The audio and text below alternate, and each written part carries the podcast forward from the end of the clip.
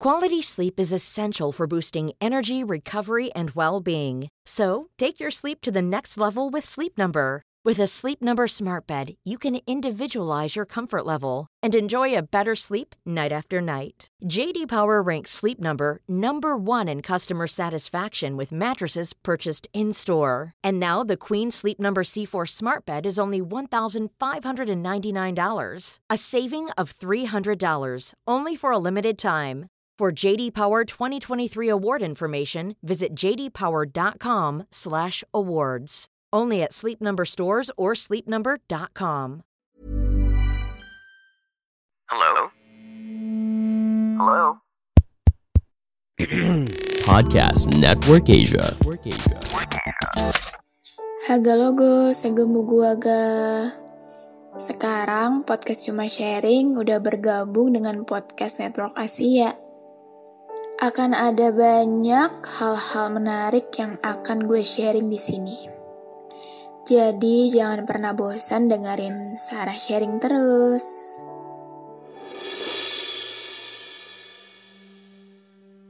Halo logo, sagemu gua aga. Apa kabar kalian yang lagi dengerin ini? Semoga sehat-sehat ya. Kali ini mau bacain salah satu email lagi dari teman sharing yang gue rasa cerita kali ini agak agak dewasa sih. Buat yang mau denger untuk punya pengalaman ya setidaknya lu mendengarkan cerita orang yang punya pengalaman buruk supaya nanti lu bisa jaga diri supaya nanti yang denger ini bisa lebih hati-hati lagi. Oke, jadi ini isi emailnya. Halo kak, aku cukup sering dengerin podcast cuma sharing di Spotify. Apalagi kalau lagi galau, biasanya nyari topik yang relate sama yang aku rasain. Rasanya bisa nangis, plong, ke bawah suasana podcast, dan emang kondisi diri sendiri lagi pengen nangis. Sejujurnya, aku merasa bersalah ngerasain hal ini.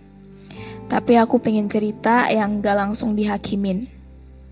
Dan aku rasa aku bisa cerita ke sini. Jadi aku mahasiswi semester 4 saat ini. I have a boyfriend. Dia cuttingku tepat setahun. Saat ini dia menjadi mahasiswa tingkat akhir D3. Kami sudah berjalan sekitar satu tahun dan sama-sama saling menyayangi satu sama lain. Tapi dia punya kebiasaan buruk yang merupakan aib jika aku ceritakan di sini. Namun ini ku terima sejak awal relationship sama dia. Hingga suatu ketika saat dia merasa stres dan banyak pikiran sebagaimana halnya mahasiswa tingkat akhir lainnya, dia memintaku untuk melakukan sesuatu yang di luar batas wajarku. Namun dia tidak sampai seburuk itu kok. Tidak sampai merusakku.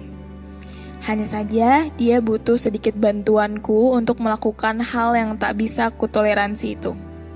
Tapi aku menolaknya. Bagaimanapun juga sudah kujelaskan bahwa dengan dalih apa pun melakukan hal itu untuknya adalah hal yang tidak bisa dibenarkan. Dia memang sangat menyayangiku, Kak. Bahkan sepertinya lebih daripada sayangku ke dia. Aku bisa merasakannya, tapi aku gak tahu apa alasan terbesarnya sampai dia bisa sesayang itu. Namun itulah kekurangannya saat ini. Di sisi lain, aku sedang sering curhat tentang hubunganku ke teman lelaki seorganisasiku. Dia orang yang cukup baik selama aku kenal. Akhir-akhir ini, kami memang dekat, tapi sebatas teman atau sahabat aja. Dia menceritakan masalah hubungan friendzone-nya dan aku menceritakan masalah relationshipku. Aku tidak tahu harus cerita ke siapa, aku takut mereka langsung menghakimi yang tidak-tidak. Aku pernah berpikiran untuk menyudahi hubunganku dengan pacarku ini, tapi aku tidak tegaan, Kak. Aku pun takut melepaskan dia karena takut gak akan menemukan orang yang sayang seperti itu. Karena aku rasa aku cukup percaya temanku ini, maka aku sering berkeluh kesah dengannya. Beberapa kali kami juga jalan keluar berdua, aku yang sedang suntuk dan mungkin dia sedang gabut. Kami cukup sefrekuensi dan saling nyaman untuk berteman cukup dekat. Tapi aku membatasi diriku sendiri agar tidak baper karena aku tahu siapa crush dari temanku ini. Dan temanku memang orang yang cukup baik. Aku pun mulai menyayangi temanku ini, tapi tidak ada rasa ingin memiliki kak. Karena mungkin hubungan baik kami hanya cukup berhenti di persahabatan atau sebagai saudara saja. Namun anehnya aku cemburu sekaligus senang ketika ia berhasil jalan dengan kerasnya. Di sisi lain, aku juga masih sayang dan peduli ke pacarku. Tapi mungkin aku terlalu dekat dengan temanku ini. Apakah menurut kakak hal ini normal terjadi? Aku sedang bimbang. Mungkin pandangan dari kakak bisa meyakinkanku ke salah satu pilihan. Thank you. Hmm. First of all, Sender, gue minta maaf banget karena hal yang ya yang di awal cerita itu terjadi sama lu. Gue nggak tahu mungkin yang lo ceritain nggak tahu juga sih firasat gue aja. Masih ada beberapa hal yang lo tutupin dari cerita lo yang di awal-awal itu. Tapi semoga ini pure bener bahwa si cowok itu si pacar lo itu nggak berani untuk nyentuh lo lebih jauh lagi dan gue harap lo juga tetap kekeh sama pendirian lo tetap um, berpegang teguh sama hal-hal yang lu batasin untuk diri lu sendiri untuk nggak berbuat lebih lanjut.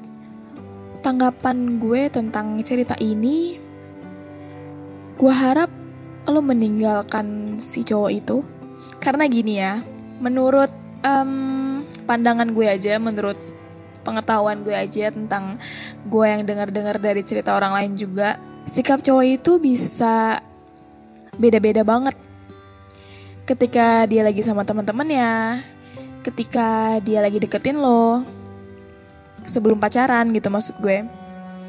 Dan ketika dia udah mulai jadi pacar lo, dan misalkan ketika lo dibawa ke tongkrongan temennya, itu sikapnya berbeda drastis ketika dia cuma berdua aja sama lo. Pertama, ketika lagi ada sama teman-teman ya, dia seperti cowok-cowok seperti biasanya aja lah, kayak ya main game, ngopi, ngerokok, bahkan jokes-jokesnya tentang perempuan. Tapi ketika lagi berdua sama pacarnya, dia bisa jadi sosok yang manja, bisa jadi sosok yang klingi, yang tidak dia tunjukkan ke teman-temannya. Ya mungkin malu atau gimana, gue nggak tahu. Dan yang kedua, ini yang parah itu tadi. Ketika lagi sama temen-temennya, bahkan mungkin dia nggak megang tangan lo, atau dia ya seperti biasanya aja, pacaran yang normal-normal aja. Tapi ketika berdua sama lo, dia menjadi sosok yang berbeda. Bahkan mungkin teman-temannya kalau tahu dia kayak gitu berdua sama ceweknya, mungkin teman-temannya juga kayak nggak percaya sih. Kayak itu beneran dia gitu. Ibaratkan gini, cowok kalau udah nafsu ya nafsu aja. Soal pengetahuan lu, kalau dia sayang sama lu gitu, itu bener-bener di samping itu. Ya dia nafsu karena dia tahu lu itu pacarnya dia. Jadi kayak seakan-akan dia milik gue gitu. Dan yang buruknya adalah kayak ya badan lu juga punya gue. Kayak ya gitu. Gue, gue sih tetap nyaranin lo untuk kabur dari dia sih. Karena besar kemungkinan di lain hari ketika ya gue nggak tahu kapan tapi pasti nanti dia akan begitu lagi. Ya dia aja berani untuk nyuruh lo untuk penuhin kepuasan diri dia sendiri yang bahkan itu melanggar batasan-batasan yang ada yang lu bikin untuk diri lu sendiri. Dia aja berani ngelakuin itu gitu loh di hubungan lo yang baru aja setahun, maybe ya, maybe ketika lo mungkin mengiyakan, ketika lo kayak ya lo terdesak gitu dan lo harus mengiyakan itu, dan jika itu terjadi pasti akan lebih, lebih dan lebih. Dia akan minta yang lebih dari itu. Dan untuk pertanyaan lo, um, lo bingung kan harus milih yang mana gitu, milih teman organisasi lo atau pilih pacar lo? Pertama karena pacar lo sangean, gue skip.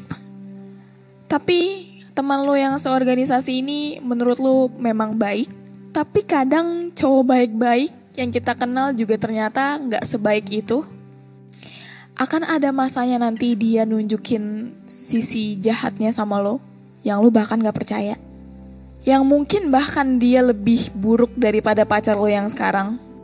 Gue minta maaf sih kalau gue tidak memberikan jawaban yang mungkin yang lo mau, tapi saran gue mungkin karena gue gimana ya gue udah kayak trust isu banget gitu ya sama cowok gue kayak udah nggak percaya cowok tuh ada yang baik gitu karena gimana ya mau Instagramnya postingan tentang agama mau bionya dia itu tulisan Arab Bismillahirrohmanirrohim tetap aja pasti ada sisi ininya gitu loh sisi jahatnya bahkan juga ada saat itu apa ya berita pencabulan anak atau pemerkosa anak yang dilakukan sama guru ngaji. Kayak bahkan cowok baik-baik aja yang kita nilai dia tuh baik, belum tentu baik gitu. Mungkin karena gue sekarang kepengen fokus sama diri gue sendiri dulu, mungkin gue akan nyuruh lo kayak gitu juga. Kayak ya sebenarnya nggak apa-apa, Gak apa-apa hidup tanpa laki-laki gitu. Tapi kalau mau diambil sudut pandang yang lain yang tentang teman organisasi lu, hmm, gimana ya? Kalau lu merasa lu bingung sama perasaan lu sendiri, lu ngerasa lu udah berusaha nggak baper, tapi nyatanya lu cemburu, dia deket sama dia jalan sama crushnya, tapi sedangkan lu masih punya pacar. Saran gue, kelarin dulu sama pacar lu kelarin dulu urusan lu sama pacar lu karena bagaimanapun sejahat apa pun pacar lu ketika lu udah punya perasaan buat orang lain itu namanya selingkuh sih. Meskipun lu nggak ungkapin. Jadi seburuk-buruknya pacar lu lu harus kelarin dulu hubungan lu sama pacar lu baru lu mulai mikirin perasaan yang tiba-tiba muncul ke teman organisasi lu. Dan ya mungkin lu coba komunikasiin sama temen lu itu. Ya mungkin dia juga bingung sama perasaannya sendiri atau gimana gue juga nggak tahu. Gue jadi ingat gue pernah baca salah satu quotes tapi gue lupa detailnya kayak gimana tapi intinya kayak gini. Cowok mencintai untuk mendapatkan seks. Perempuan melakukan seks karena dia mencintai. Dan gue takut banget si Sender akan terjebak di fase itu. Dan gue harap jangan. Oke, okay, mungkin segini dulu aja episode curah kali ini. Sender, makasih banyak udah memberanikan diri, udah percaya sama gue untuk bacain cerita lo yang gue tahu ini gak mudah tapi gue harap lu bisa ngejaga diri lu. Dan gue mau lu tahu bahwa lu nggak salah di sini. Lu keren, udah berusaha untuk nolak suruhannya pacar lo. Karena bagaimanapun juga, gue rasa kalau dia sayang dia nggak akan kayak gitu sih. Dia nggak akan minta lo untuk ngelakuin hal yang itu udah di luar batas lo gitu. Dan mungkin kalau lo bener-bener sayang sama dia, bener-bener gak mau kehilangan dia gara-gara permasalahan ini, mungkin lo bisa ngobrol sama dia tentang batas-batas wajar yang lo punya dan apa yang lo gak suka dari dia. Tentunya kejadian yang ini. Ya udah, gitu aja. Oke. okay. Have a good day everyone. Dadah.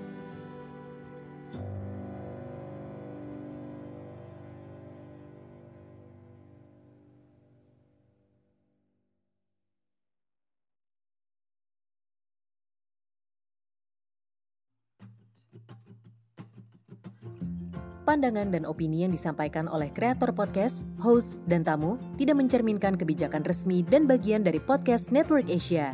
Setiap konten yang disampaikan mereka di dalam podcast adalah opini mereka sendiri dan tidak bermaksud untuk merugikan agama, grup etnik, perkumpulan, organisasi, perusahaan, perorangan, atau siapa pun dan apa pun.